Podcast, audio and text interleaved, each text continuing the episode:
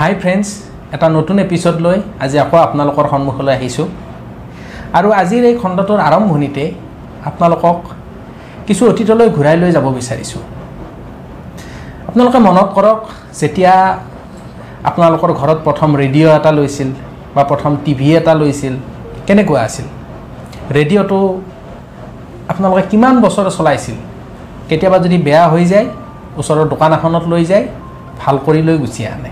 একেদৰে টিভিৰ ক্ষেত্ৰতো এনেকুৱা। বহুত বছৰ এটা টিভিয়ে হয়তো আপোনালোকে মনত কৰক আপোনালোকৰ প্ৰথম যিটো টিভি কিমান বছৰ সেই টিভিটো আপোনালোকে চাইছিল? কিবা যদি বেয়া হৈছিল তাৰ মাজতে হয়তো দুই চাৰি বছৰ পিছত টিভিটো বেয়া হ'ব। কিন্তু আপোনালোকে ওচৰৰ ইলেক্ট্ৰিকেলৰ দোকান এখনত গৈ সেইটো ভাল কৰি আনে। সেইদৰে মোবাইলৰ ক্ষেত্ৰতো যেতিয়া প্ৰথম মোবাইল ফোনৰ ট্ৰেণ্ড যেতিয়া আহিছিল তেতিয়া আপোনালোকে যিটো প্ৰথম মোবাইল লৈছিল কিমান দিন চলাইছিল বা বেয়া হৈছিল আকৌ ভাল কৰি আনিছিল। কিন্তু বৰ্তমান সময়ত এই প্ৰথাটো যেন লাহে লাহে নোহোৱা হ'ব ধৰিছে। সম্পূৰ্ণ নোহোৱা হোৱা নাই এতিয়াও আছে। কিন্তু আজিকালিৰ যিখন সমাজ বা আজিকালিৰ যিখন পৃথিৱী অকণমান বেলেগ হ'ব ধৰিছে। আজিকালি আপোনালোকে চাওক যে মোবাইল এটা কিনা হয় যদি বেয়া হৈ যায় আমি তৎক্ষণাত নতুন এটাহে যেন কিনি ল'বলৈ মন কৰোঁ। এনেকুৱা এটা প্ৰৱণতা আমাৰ সকলোৰে মাজত গঢ় লৈ উঠিছে। এইটো কিয় হৈছে? ইয়াৰ অন্তৰালত কি আছে? এই সম্পৰ্কে আজি আমি কিছু কথা আলোচনা কৰিম। গতিকে আহক আজিৰ খণ্ডটো আমি আৰম্ভ কৰোঁ। হয় ফ্ৰেণ্ড এতিয়া এইটো এটা ডাঙৰ কথা। আমি বিছ ত্ৰিছ হাজাৰ দি এটা মোবাইল খুব উৎসাহেদি কিনো খুব এক্সাইটেড হৈ কিনো। হয়। আৰু প্ৰথমতে খুব ভালেই চলে। আমাৰো কেয়াৰটো বাৰু বেছিকৈ থাকে নতুন মোবাইল এটা লোৱাৰ পিছত। কিন্তু গ্ৰেজুৱেলি দেখা পোৱা যায় যে দুই তিনিমাহ পিছত মোবাইলটোত চাৰ্জটো জল্দি শেষ হৈ যায় বা চাৰ্জিঙত অলপ বেছি টাইম লয়। বা দেখা পোৱা যায় মাজে মাজে হেঙো মাৰে। এতিয়া কথাটো হ'ল যে বিছ ত্ৰিছ হাজাৰ টকাৰ মোবাইল এটা বছৰটো নহওঁতেনো কেনেকৈ কিনো আৰু এটা। কিন্তু প্ৰব্লেমটো হ'ল যে কিনিবতো লাগিবই মোবাইল আৰু কম্পিউটাৰ বৰ্তমান আমাৰ লাইফৰ পাৰ্ট এণ্ড পাৰ্চেল মোবাইল নহ'লে আমি চলিব নোৱাৰোঁ। এতিয়া কি কৰোঁ গতিকে বাজেট নিমিলিলেও আমি চবে গৈ এটা মোবাইল কিনো কিন্তু তাৰে আগত হয়তো আমি খুব কমেহে মানে আমাৰ মাজত খুব কম মানুহে হয়তো গৈ এটা ছাৰ্ভিচ চেণ্টাৰ বিচাৰিম। আৰু ছাৰ্ভিচ চেণ্টাৰটো এনেকুৱা এটা জেগাত থাকিব য'ত ইজিলি একচেচেবল নহয় আমাৰ কাৰণে। ধৰক নিজৰ যিখন মানে টাউন হোম টাউন হয় তাতে খুব বেছি এখনে ছাৰ্ভিচ চেণ্টাৰ থাকিব বা কিছুমানৰ নাথাকে। গতিকে আমি এনেকুৱা কৰিব লাগে যে খুব বেছি ওচৰৰ এটা ৰিপেয়াৰিং চেণ্টাৰত যাম গৈ সুধিম যে মোৰ মোবাইলটো ভাল কৰি দিব পাৰিব নেকি। তেওঁলোকে হয়তো ক'ব পাৰিম বা নোৱাৰোঁ। আৰু পাৰিলেও ইমান এটা দামৰ মানে দাম এটা হ'ব যে হয়তো আমি এইটো কেলকুলেশ্যন কৰিম যে ফিফটি পাৰ্চেণ্ট দিলে আৰু আমাৰ মোবাইলটোৱে আহি যাব।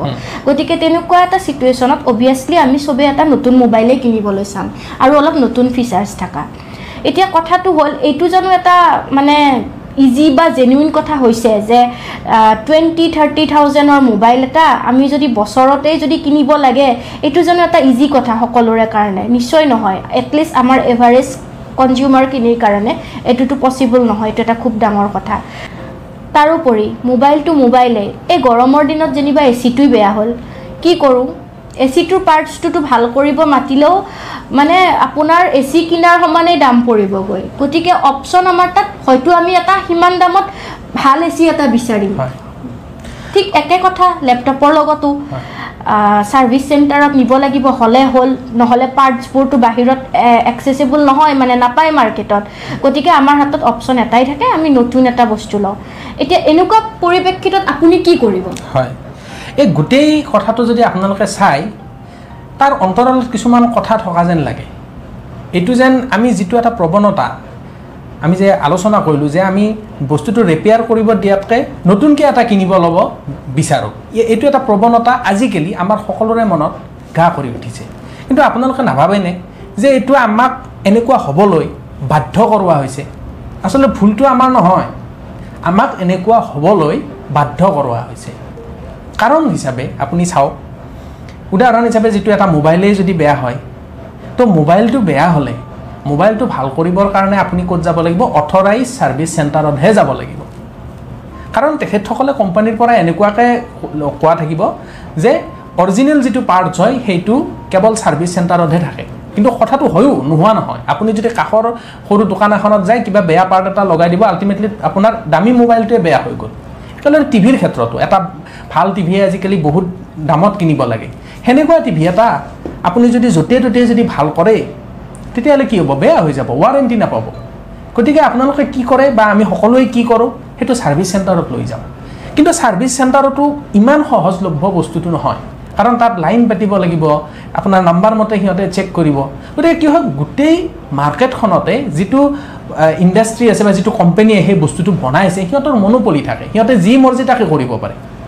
গতিকে এনেকুৱা লগা নাইনে যে আমি সকলোৱে এটা ফাণ্ড এখনৰ মাজত ফচি গৈছোঁ। এটা ট্ৰেপ এটাত আমি ফচিছোঁ। এনেকুৱা লগা নাইনে কথাটোতো ঠিক হোৱা নাই। কাৰণ আমি বস্তু এটা কিনিছোঁ। কিনাৰ পিছত বস্তুটো আমাৰ হয়। গতিকে তাত আমাৰ মৰ্জিটো চলিব লাগে। আমি য'ত ভাল কৰোঁ বা য'ত যেনেকৈ চলোঁ। কিন্তু বস্তুটোৰ ওপৰত যদি অধিকাৰটো সেই বস্তুটোক মেনুফেকচাৰ কৰা কোম্পানীটোৰ হাতত থাকে যিটো মনোপলি কাৰণ সিহঁতে এনেকুৱা ধৰণৰ মনোপলি দিছে যে আমাৰ তাতহে ভাল কৰিব লাগিব। বেলেগৰ তাত কৰিব নোৱাৰে। গতিকে এইটো আমাৰ যিখিনি উপভোক্তা আছে আমি যিখিনি কনজিউমাৰ আছোঁ আমাৰ প্ৰতি এইটো অন্যায় নহয়নে? হয় এইটো নিশ্চয় এটা অন্যায় হয়। আৰু এই যিটো অন্যায় এই অন্যায়টো এতিয়া সমগ্ৰ পৃথিৱীবাসীয়ে ইয়াৰ বিৰুদ্ধে এক আন্দোলন আৰম্ভ কৰিছে এই আন্দোলনটোক এটা নাম দিয়া হৈছে ৰাইট টু ৰেপিয়াৰ আৰু আমাৰ কনজিউমাৰসকলৰ মানে এই ৰাইট টু ৰিপেয়াৰটো ইমপ্লিমেণ্ট অলৰেডি ইউ কে আৰু ইউৰোপীয়ান ইউনিয়নৰ কাণ্ট্ৰিজখিনিত হৈ গৈছে। এতিয়া কথা হ'ল যে এই ৰাইট টু ৰিপেয়াৰ কি? ইউ কেৰ পৰিপ্ৰেক্ষিতত আমি কথাখিনি আগতে আলোচনা কৰিম। এতিয়া ইউনাইটেড কিংডমত যিখন ৰাইট টু ৰিপেয়াৰ পাছ হ'ল তাতে এতিয়া কি হৈছে যে স্মাৰ্টফোন নহয় কিন্তু হোৱাইট গুডছবোৰ ইনক্লুড হৈছে। হোৱাইট গুডছ কিহক কয় মই আপোনালোকৰ আগত কেইটামান এক্সাম্পল দি দাঙি ধৰিবলৈ চেষ্টা কৰিম। ধৰক এ চি ৰিফ্ৰিজাৰেটৰ বা আমাৰ ৱাশ্বিং মেচিনটো বা আজিকালি ডিছ ৱাশ্বাৰো ওলাইছে এইবোৰ।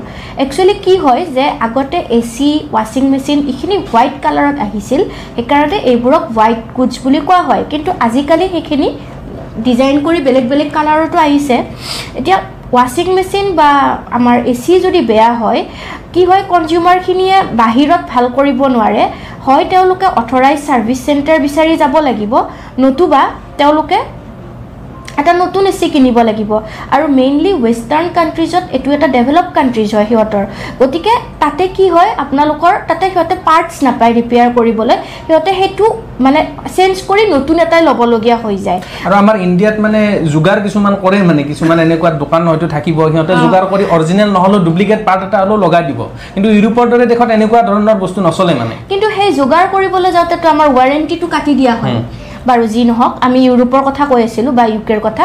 গতিকে ইউ কেত কি হৈছে যে তাৰ কাৰণে দেখা পোৱা গৈছে যে খুব বেছি এই হোৱাইট গুডছৰ ৱেষ্টেজটো বাঢ়িছে। ইউ কেত দেখা পোৱা গৈছে যে মানে এই হোৱাইট গুডছবিলাক মানুহে খুব ফ্ৰিকুৱেণ্টলি চেঞ্জ কৰিব লগা হৈছে নতুনকৈ কিনিছে।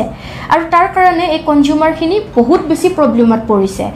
আৰু সেইকাৰণে তাৰে পৰিপ্ৰেক্ষিতত তেওঁলোকে এটা মুভমেণ্ট চলাইছে। সেইটো হ'ল ৰাইট টু ৰিপেয়াৰ যে তেওঁলোকক যাৰ পৰা তেওঁলোকে যি ব্ৰেণ্ডৰে কিনে তেওঁলোকে এটলিষ্ট এটা টাইম পিৰিয়ডলৈ তেওঁলোকক সেই ফ্ৰী ৰিপেয়াৰিংটো দিব লাগে।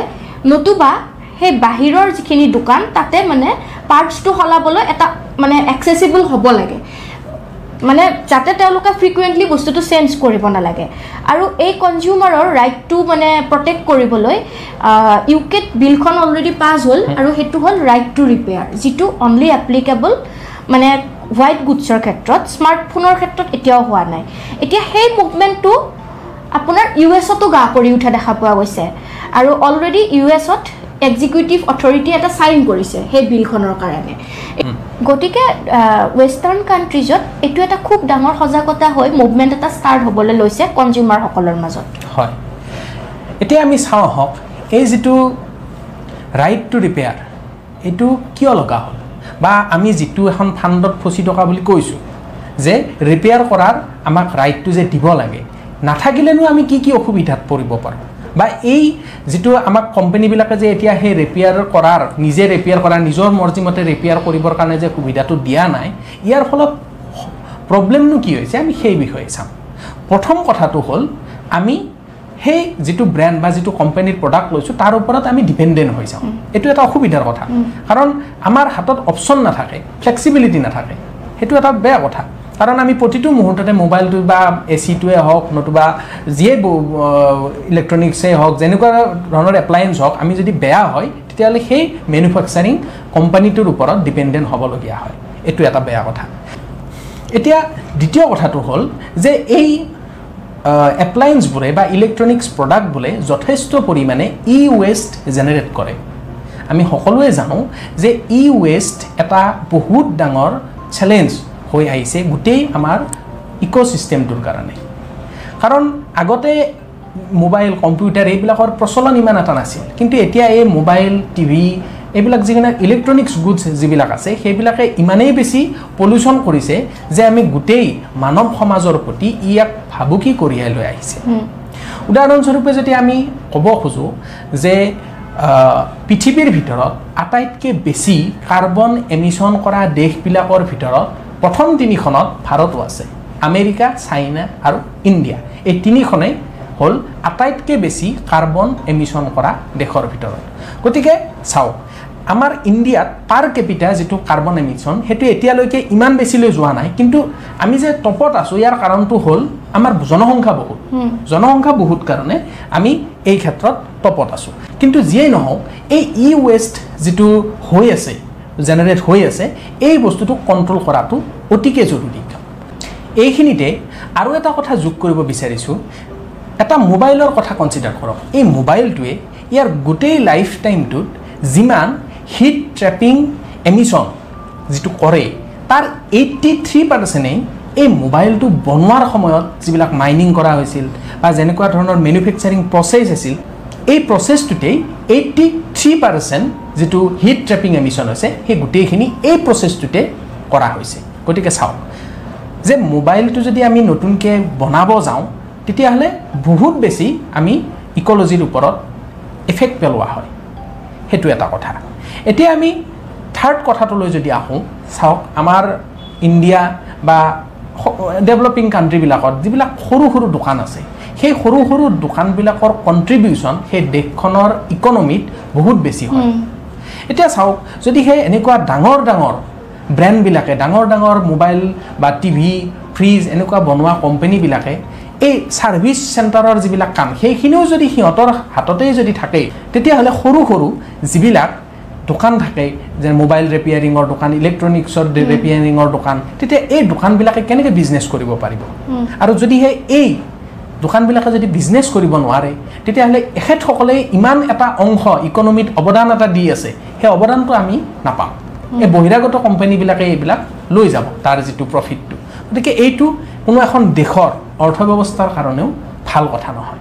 গতিকে এনেকুৱা ধৰণৰ কিছুমান অসুবিধা আছে। সেইকাৰণে সমগ্ৰ বিশ্বতে ৰাইট টু ৰিপেয়াৰ বুলি এটা মুভমেণ্ট যিটো আছে এইটো জনপ্ৰিয় হ'বলৈ ধৰিছে।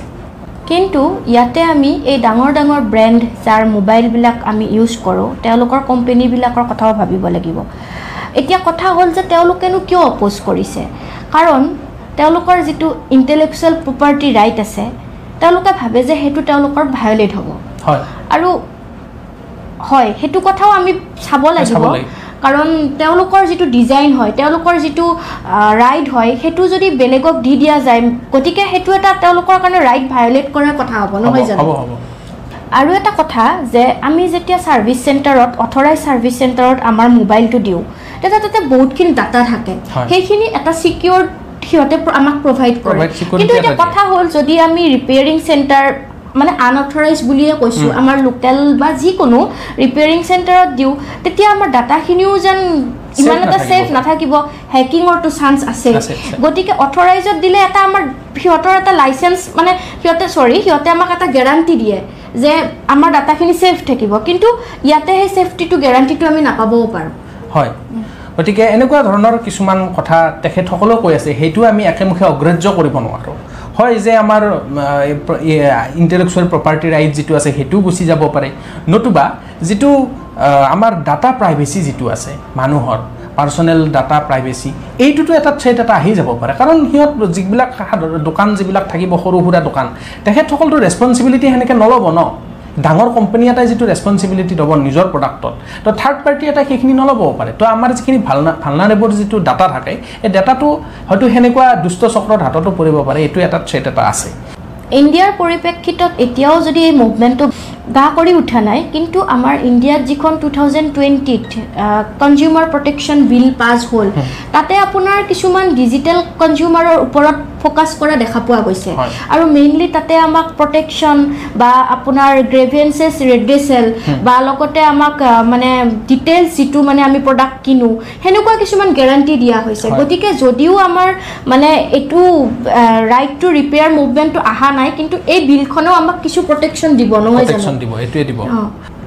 আৰু ইয়াৰ উপৰিও ইনডাইৰেক্টলি দুহেজাৰ ষোল্ল চনত এটা ৰুল ওলাইছিল ই ৱেষ্ট মেনেজমেণ্ট ৰুল এইটো ৰুলৰ দ্বাৰাইও ভাৰত চৰকাৰে এই যিবিলাক মেনুফেকচাৰিং কোম্পানী আছে ইলেক্ট্ৰনিক্স গুডৰ তেখেতসকলৰ ওপৰত কিছুমান ৰেষ্ট্ৰিকশ্যন দিছে।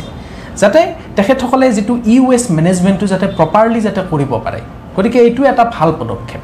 গতিকে এনেকুৱা ধৰণৰ চিন্তা চৰ্চা ভাৰত চৰকাৰে আগতে কৰিছিল আৰু নতুনকৈ এইবিলাক যিটো ল আহিছে বেলেগ বাহিৰৰ কাণ্ট্ৰিবিলাকত এতিয়া হয়তো অনাগত ভৱিষ্যতত ভাৰততো এনেকুৱা ল হয়তো আহিব পাৰে। এতিয়া ৱে ফৰৱাৰ্ড হিচাপে আমি যদি কওঁ তেতিয়াহ'লে ভাৰতৰ প্ৰেক্ষাপটত আমি ক'ব খোজোঁ যে ভাৰতৰ দৰে এখন দেশত সৰু সৰু দোকানবিলাকৰ যিটো ইকনমিত যিটো অৱদান এইটো বহুতেই বেছি। গতিকে ডাঙৰ ডাঙৰ ব্ৰেণ্ডবিলাকে তেখেতসকলৰ যিটো ৰেপেয়াৰ কৰা যিটো পাৰ্টছ হওক নতুবা টেকনিকটোৱে হওক এই টেকনিকটো তেওঁলোকৰ নিজৰ মাজতে নাথাকি সৰু সৰু যিবিলাক দোকান আছে বা ছাৰ্ভিচ চেণ্টাৰ আছে এখেত তেখেতসকলক দিব লাগে। আৰু ডাটাৰ ক্ষেত্ৰত যিটো ডাটা প্ৰাইভেচিৰ ক্ষেত্ৰত যিটো প্ৰব্লেম আছে এইটো আমাৰ ইণ্ডিয়াত যিটো ডাটা প্ৰাইভেচি যিবিলাক ল আছে এইবিলাক ল আৰু বেছি ষ্ট্ৰিক্ট হ'ব লাগে যাতে কোনোবাই যদি এই ডাটাবিলাক লৈ মিছ ইউজ কৰে তেতিয়াহ'লে তেখেতসকলক যথোপযুক্ত যিটো শাস্তিৰ বিধান থাকিব লাগে যাতে এনেকুৱা ধৰণৰ কামবিলাক ৰোধ কৰিব পৰা যায়। আৰু ইয়াৰ উপৰিও আমাৰ ভাৰতবৰ্ষ কাৰ্বন এমিশ্যনৰ ক্ষেত্ৰত সমগ্ৰ বিশ্ববাসীৰ ওচৰতে দায়বদ্ধ। আমি ইমান এটা ডাঙৰ পপুলেশ্যনৰ এখন দেশ গতিকে আমি এই ক্ষেত্ৰত সাৱধানতা অৱলম্বন কৰিবই লাগিব। আৰু আমাৰ যিটো কাৰ্বন এমিশ্যনৰ যিটো হাৰ সেইটো আমি কমাই আনিব লাগিব।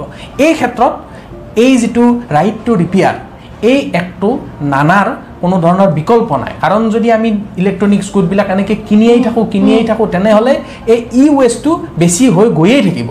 আৰু যিটো কাৰ্বন এমিশ্যন এইটোক আমি কণ্ট্ৰল কৰিব নোৱাৰিম। গতিকে এইটো কণ্ট্ৰলত অনাৰ কাৰণে আমি যি মোবাইলে হওক ইলেক্ট্ৰনিক্স গুডছেই হওক সেইখিনি আমি ব্যৱহাৰ কৰি থাকিব লাগিব এক দীঘলীয়া সময়লৈ। আৰু এনেকুৱা এটা কাম কৰিবলৈ হ'লে ৰাইট টু ৰেপিয়াৰ এই অধিকাৰটো আমাক দিব লাগিব। গতিকে ফ্ৰেণ্ডছ আজিৰ ভিডিঅ'টোত ইমানখিনিয়ে। আশা কৰিছোঁ আপোনালোকে ভিডিঅ'টো চাই ভাল পালে। অহা খণ্ডত এটা নতুন বিষয় লৈ আপোনালোকৰ মাজলৈ অহাৰ প্ৰতিশ্ৰুতিৰে আজিলৈ বাই বাই। Thank U